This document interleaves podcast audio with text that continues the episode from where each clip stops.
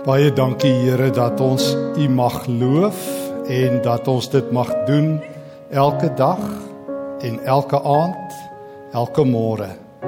Dankie Here dat lof die maniere so ons vir U sê dat U groot en goed en verskriklik belangrik in ons lewe is.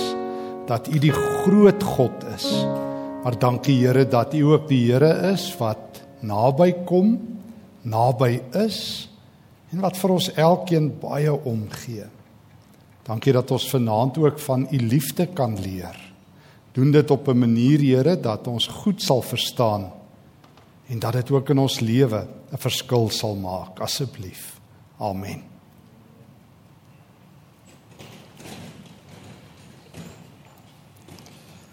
As ek die vraag vir jou sou vra, soos wat die ouens dikwels doen in die boeke, of in die tydskrifte definieer gou liefde is doetjie doetjie doetjie dan wonder ek wat sou jy sê? As jy gou moet dink as jy nou in een sin as jy op Twitter moet hoeveel 140 hoeveel karakters het Twitter? Tot ek weet ook nie eens meer nie maar in elk geval as jy op Twitter gou moet sê love is hoe sal jy sê? Ek dink as ek nou sal vra sal ons verskillende idees kry, verskillende opinies van wat liefde is. Maak nie saak hoeveel definisies en opinies en sienings daarvan die liefde is nie. Die een ding wat ek weet, liefde is nog nie uit die mode nie. Liefde het nog nie uh van die toneel af verdwyn nie. Dis nie asof ons vir ouens moet sê op uh die treffersparade skryf nou so 'n paar liedjies oor die liefde nie of dat ons nou vir eh, Netflix moet sê maak nou weer 'n slag 'n fliek wat oor die liefde handel nie. Dis eintlik wat die wêreld dryf, nê, die liefde.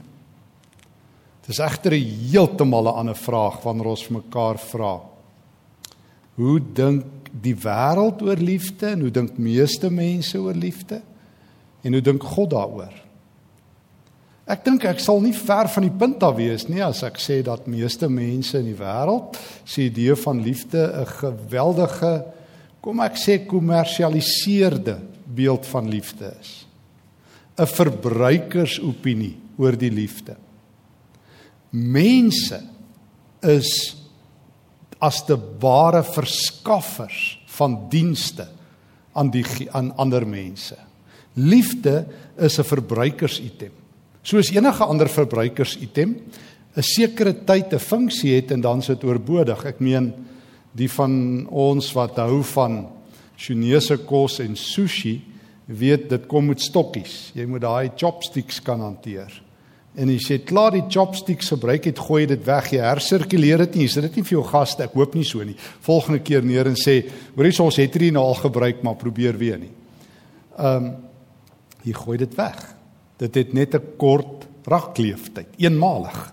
Party dinge hou langer. Jou selfoon hou so lank soos wat die binnewerke hou en wat ook al alles in jou kontrak hou, dan sit klaar.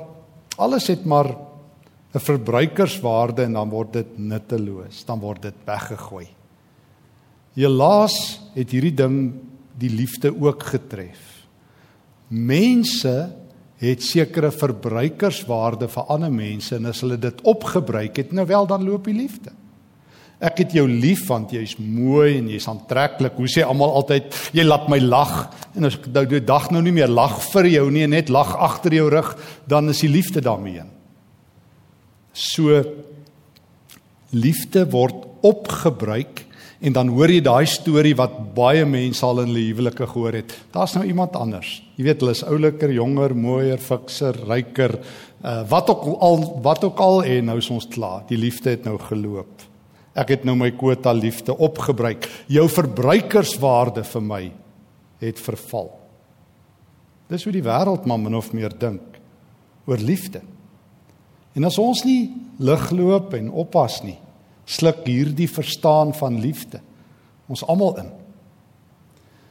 Ehm um, dit is interessant wanneer ons na die Bybel toe blaai en ons sê vir mekaar God is liefde, dan sê ons almal, "Sjoe, ons weet dit al, almal." Maar weet jy, as ek en julle vanaand 2000 jaar agteruit kon gaan en ons sou in die wêreld wees waar Paulus hulle was en waar Johannes skrywe en die prediker sou gesê het God is liefde, sê ons gesê dit is 'n skokker. Want geen godheid in enige godsdiens tot vandag toe staan bekend vir liefde nie. Ek ek moet myself altyd so knyp as hierdie slim Janne vir my altyd probeer vertel alle godsdienste is dieselfde. Dan sê ek, "Sjoe. Regtig? Wys my ander godsdienste wat gefundeer is, gebou is, gefestig is op God is liefde." Jy moet maar gaan kyk. Al die gode, die Kanaanitiese gode, die gode van die Romeine, die gode van die Egiptenare. Jy moet daai God tevrede hou. En solank jy daai God tevrede hou, solank jy vir daai God geskenke vat en offers vat en en om die godheid, die manlike of die vroulike God probeer omkoop, sal die God van jou hou, maar as dit ophou, dan is dit daarmee een. Dan sê God weer reg om jou uit te sorteer. Die Grieks-Romeinse gode is ou wispelture gespil. Op 'n goeie dag as hulle 'n bietjie vies word vir jou, gooi hulle jou met weerligstrale en nie met liefde nie. Maar hier kom die God van die Bybel Dit is soos die enigste God, die ware God wat sê my wêreld, my koninkryk, my spasie, my mense word gedefinieer deur liefde. God se eerste vraag is nie doen iets vir my nie in in Deuteronomium 6 hê my lief. Hê my lief met jou hart, met jou binnekant, met jou breins, met jou liggaam, hê my lief hê my so lief Deuteronomium 6 dat dat jy met jou kinders oor my sal praat, dat dit oor jou mond sal kom en dat jou kinders dit sal sien as jy 'n ouer is. Hê my so lief dat jy rondom jou tafels oor my sal praat, dat jy dit amper op jou stadspoorte en op jou deurkusyne sal uitkrap. Ek het die Here lief. Nie ek dien 'n wrede God wat kwaai is en wat wat nie, maar ek het God lief. En nou blaai ek na die Nuwe Testament toe want ek is op pad na die 1 Korintiërs 13 uh teks wat wat die fokus is vanaand van vriendelikheid soos Colin gesê het. Maar dit is belangrik om liefde reg te verstaan. Anders te word dit maar net nog 'n opdrag in elk geval. Maar maar hierdie liefde, hierdie God wat liefhet. Die die een van die vir my een van die mooiste tekste is in die eerste Johannesbrief ver, hoofstuk 4 vers 7 om net bietjie God se hart te hoor. Dan skryf Johannes vir daai gemeentes daar in Klein-Asië waar hy is. Hy sê: "Geliefdes, ons moet mekaar lief hê. Want liefde kom van God af. Dis nie 'n harde opdrag nie. Jy jy jy kom in God se se se spoor in sy soos die Engelse sê sy slipstream. Jy kom in God se karakter. Jy kom in God se nabyheid as jy liefhet. As jy liefhet. En iemand wat liefhet is 'n kind van God en ken God. Ons moet mekaar lief hê. Dis die Nuwe Testament. Dis Johannes 13 se nuwe gebod, sy groot gebod. Dis die Nuwe Testament wat dit uitbasyn. Ons moet mekaar lief hê, maar dit is baie moeilik, maar ons moet ons liefde meet aan God. Ons het nou-nou vir mekaar gesê die wêreld meet liefde aan verbruik. Jy gaan kyk as jy oor die liefde wil weet, Netflix of kyk net, sluit net. Ek weet die een, een van daai goeters, gaan kyk jy. En dan leer jy iets van die liefde. Of nie. Ek hoop nie so nie. Maar as jy as jy sê jy's 'n Christen, en dis wat ons vanaand sê, dan sê Jak, dan sê Johannes, liewe, hy praat so mooi. Hy noem die Christene geliefdes, agapetoi, waar die Griekse woord agape vandaan kom, liefde. Hy sê, weet julle wat? Julle is nie net ehm um, opgedra beopdrag om lief te hê en julle is in die dampkring van God se liefdes. Hy daarom spreek hy gelowiges so mooi aan, geliefdes. Hy sê ons moet lief hê, dit kom van God af. Wie nie lief het nie vers 8 ken nie vir God nie. Vertaling sê vers, uh, uh, het het geen kennis nie, maar dit beteken nie verstaan nie vir God nie. Jy kan alles van godsdiens verstaan sê Paulus. In 1 Korintiërs 13. Hy sê jy kan die tale van mense en engele praat. Jy kan berge skuif met jou geloof. Maar jy ken God as jy liefhet. Jy weet wie's God as jy liefhet. Anderster anderster is jy nog op die rande om van God te weet. En dan verduidelik hy, hy sê, kom ek verduidelik vir julle wat is God se liefde. God se liefde is nie Skus as ek dit so moet sê, God stuur nie 'n kaartjie en sê ek dink aan julle nie. Hy stuur nie vir jou 'n kaartjie as jy verjaar seënwense uit die hemel nie. God Johannes sê God hierin is God se liefde vir ons geopenbaar. God wys sy enigste seun het hy na die wêreld toe gestuur sodat ons deur hom kan lewe. Werklike liefde is dit, nie die liefde wat ons vir God het nie, maar die liefde wat hy vir ons bewys het deur sy seun aan ons te stuur. Hy sê geliefdes, weer 'n keer, as dit is hoe God ons liefhet, moet ons mekaar lief hê. So nou verstaan ek hoe lyk God se liefde. God se liefde het 'n kruis. En weer 'n keer, weer 'n keer Ouens, as ons 2000 jaar terug geleef het, sou dit die enkele moeilikste ding gewees het van ons geloof om te verduidelik. Hoe kan die man aan die kruis 'n god wees? Dis die moeilikste ding om te verduidelik. Paulus sê vir die Korintiërs in 1 Korintiërs 1 vers 18 tot 25, hy sê vir die Grieke is hierdie evangelie 'n bol nonsens. Hy sê dit eintlik net so. Dis net twak. Hy sê vir die Jode is dit onsin. Hy sê maar vir ons is dit die krag van God Want jy moet weet in die antieke wêreld in daai tyd en tot vandag toe, gode ly nie. Hulle kan nie sterf nie. 'n Kruis is 'n vloekhout. Is 'n slegte plek. En nou kom God en hy gee sy eie seun. En hy gee sy seun vir slegte mense. Jesus sterf nie vir jolly goeie mense nie, hy sterf vir pretty awful people. Vir ons. Hy sterf vir ouens wat met hulle rug wegloop. Hy sterf vir sy vyande. En nou sê Johannes nou die 'n prentjie van liefde. So die Christelike liefde gee. God gee. Jesus gee. En ewe skielik het ek die prentjie van wat liefde is. Liefde.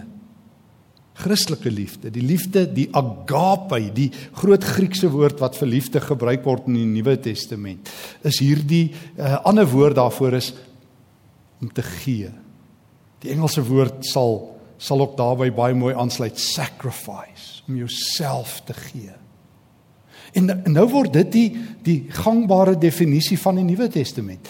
Johannes uh, Paulus sal in, in as hy as hy vir Christene vra, ouens, ouens, julle kort hierdie vriendelikheid wat eintlik die tema vanaand is hierdie uh, 1 Korintiërs 13 vers 4 waar Paulus sê die liefde is geduldig die liefde doen goed. Dis ook uiteindelik wil vertaal daai daai Griekse woord. Die liefde doen goed.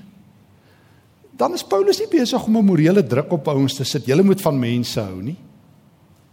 Paulus sê ouens julle moet dit doen vanuit Jesus. Wat doen Jesus? Wat doen God Hy gee.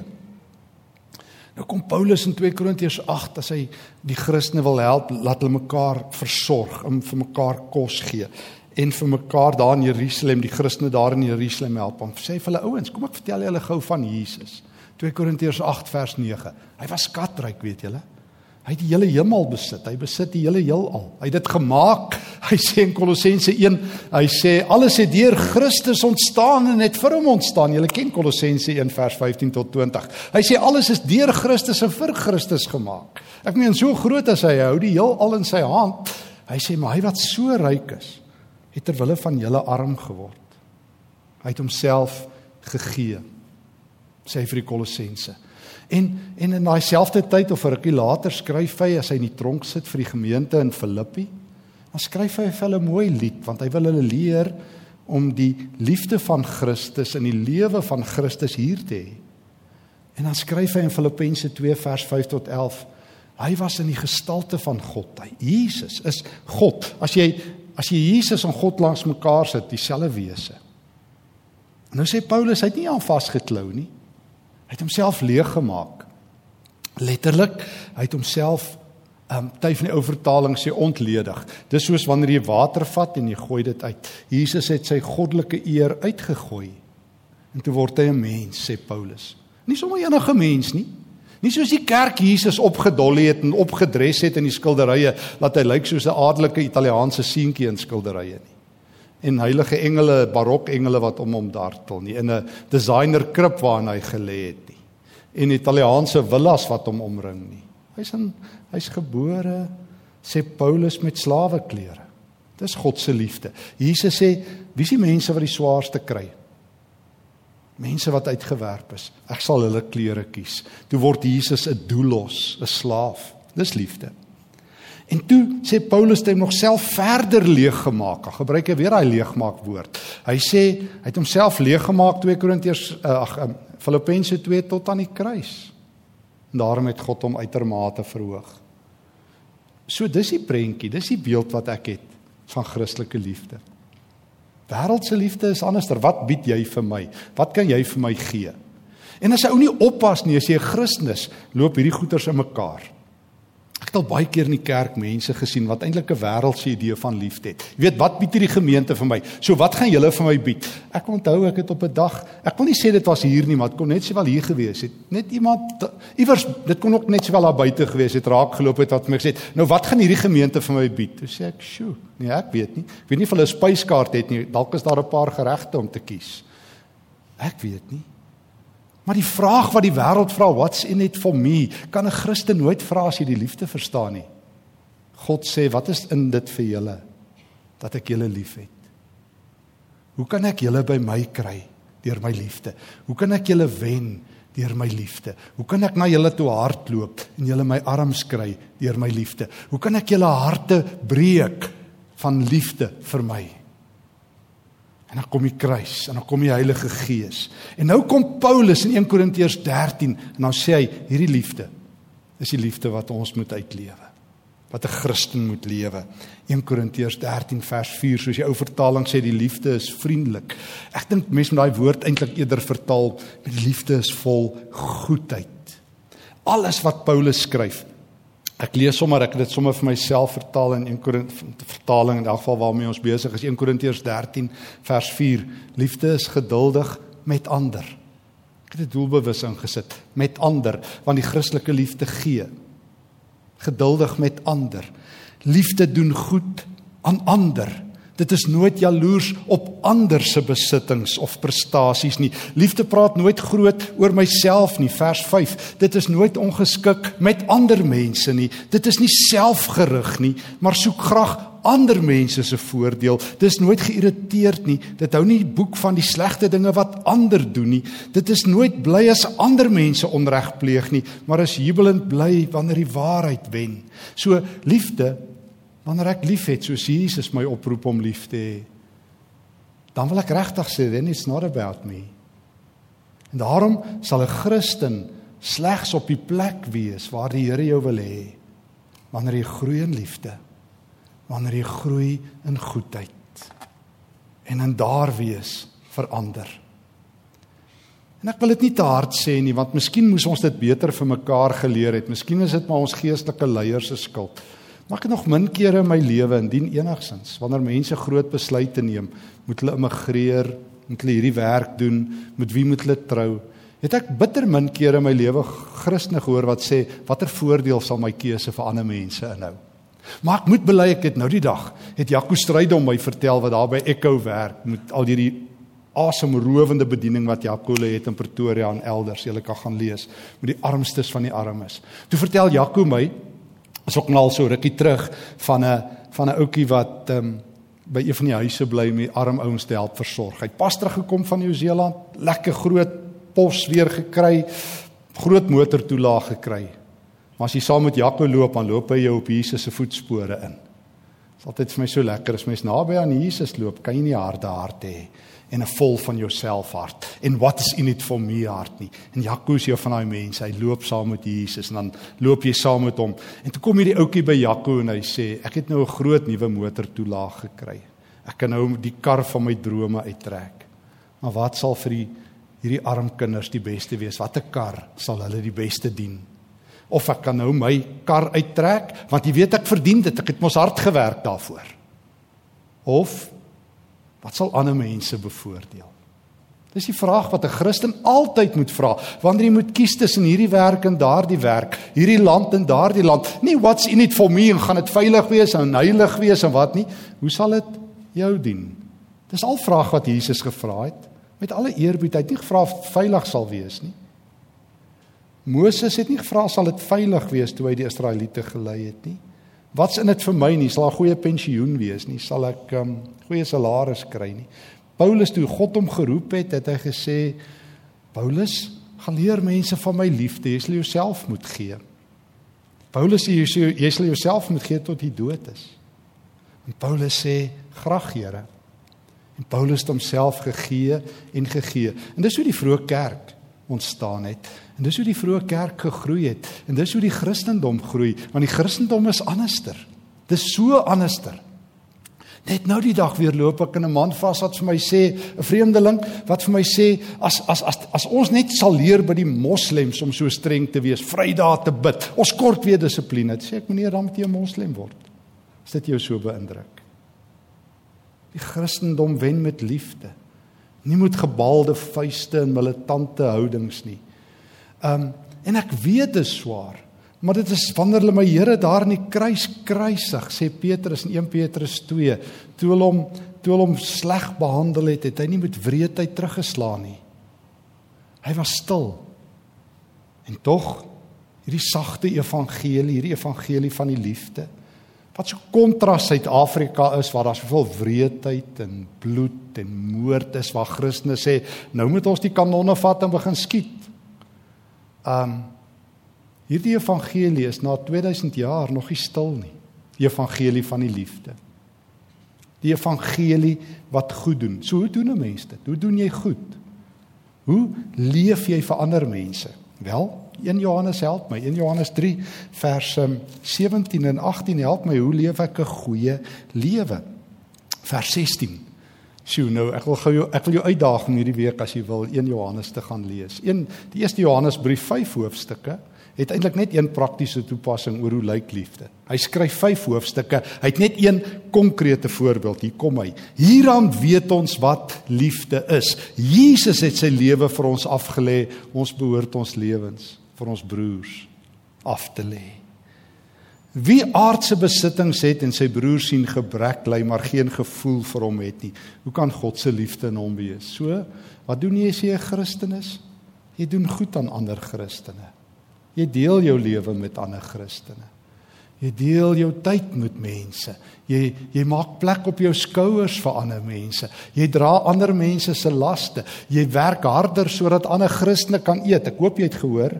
Jy werk harder sodat ander Christene kan eet. Paulus sê dit in Handelinge 20 vers 35. Jy moet dit gaan lees. Hy sê dit net so. Hy sê, "Julle weet," sê hy vir die ouderlinge van Efese, "ek het hard gewerk met my eie hande sodat die swakkes kan eet, nie sodat ek my bucket list kan maak nie." Jy mag dit ook doen. Maar 'n Christen is so anderster. Christen lewe met die liefde van die Here. Daarom, daarom werk ek harder sodat nog mense kan eet. Doen ek beter goeie dinge sodat nog mense geseën kan word. Leef ek met die liefde vir die Here. Vanmiddag moes vanoggend in Johannesburg by 'n kerk uh, preek en vanmiddag toe ek so terugry stop ons vir my skoonma wat baie siek is. En ek en Maritjie, my vrou sit by haar en een van die susters daar by die versorgingseenheid kom in. En ek sien hoe swak is my skoonmoeder en ek en ek sien hierdie vriendelike suster. En my skoonma vertel my toe sy uitstap. Sy sê ag my kind, my tyd is min. Maar weet jy 'n ou stukkie getuienis dat dat ek daarom die Here dankbaar is dat ek dit tot die einde toe doen. Die suster het vir my gesê jy's die enigste een wat ooit dankie sê as ek jou bad as ek jou uit die bad uit optel. Jy moet die Here baie lief hê. En ek sê vir my skoonma, wat 'n wonderlike lewe om te leef as dit die getuienis is op die einde van jou lewe. What a well played life, soos Leonard Sweet sou sê, wat 'n goed geleefde lewe dat ek bekend sal wees dat ek liefhet. Geen groter liefde het iemand as dat jy jou lewe aflê nie. Jesus het en ons sê ons volg hom en Jesus sê ek sal julle leer kom loop op my hakke. Ek sal julle leer nie om goeie mense te wees nie. Almal wil dit wees. Jy kan by enige guru gaan aansluit en 'n selfhelp ou om jou te leer om goed te wees. Jesus sê ek sal jou leer om jouself te gee. Om jouself prys te gee. En jy sê dis moeilik? Volg my. Dit sal maklik wees. Want die liefde. Die liefde Die liefde van God is nie populêre liefde nie. Maak nooit van mense verbruikers items nie. Ek ek mag nooit vra wat se waarde het jy vir my nie. My vraag is, wat kan ek doen sodat jy waarde kan hê? Hoe kan ek jou dien? Hoe kan jou lewe ryker wees? Hoe kan vanaand ryker wees? Hoe kan elke dag ryker wees as ons nie teenwoordigheid van die Here lewe? So so geliefdes, ons moet mekaar lief hê. 1 Johannes 4 vers 7. Hoe lyk hierdie liefde? Werklike liefde is nie die liefde wat ons vir God het nie, maar die liefde wat hy wat hy vir ons gewys het aan die kruis. En nou sê Paulus, hierdie liefde doen goed. Altyd, oral. Hierdie liefde vra, wat is in dit vir jou omdat ek op die planeet is? Dit is waarvoor ons geroep is, hoor die Here se woord. Amen. Dankie Here dat U ons oproep en uitdaag om lief te hê, om goeie, liefdevolle mense te wees, vol van die liefde. Hier is ons Here. Dit is moeilik in hierdie ou krom en verdraaide wêreld om lief te hê. Daar's meer mense wat dit maklik maak om hulle te haat as wat daar mense is wat dit maklik maak om hulle lief te hê. En Here, hierdie week lê alweer voor en ons sien maar altyd hoe gaan die dinge hier rondom ons en uh, nou wil ek vra Here vir ons elkeen Vul ons met die Heilige Gees en met u liefde. Maak ons vol daarmee. Laat ons harte somme oorloop van liefde, van goedheid. Maar laat dit die kruis se liefde wees. Jesus se liefde. U was ryk en het arm geword sodat ons ryk kan wees. U was in die hemel aan die regterhand van God en het 'n mens geword, 'n slaaf onder mense geword, 'n gekruisigde geword En nou weet ons hoe lyk die liefde. En ons leer by die apostels, Here, dat hulle hulle self gegee het en hard gewerk het en gedien het sodat die wêreld anderster kan wees. Hierdie evangelie laat ons so weerloos, Here. Ons kan nie met wapens en stokke en masjiengewere u koninkryk laat kom nie. Ons kan nie met eise en en voorskrifte en optogte en betogings u koninkryk laat kom nie. Leer ons om soldate te wees in u weermag, u weermag van die liefde. Leer ons om nie kwaad met kwaad te vergeld nie, nie woede met woede, bitterheid met bitterheid nie. Maak ons sag en vol van die Heilige Gees in Jesus se naam. Amen.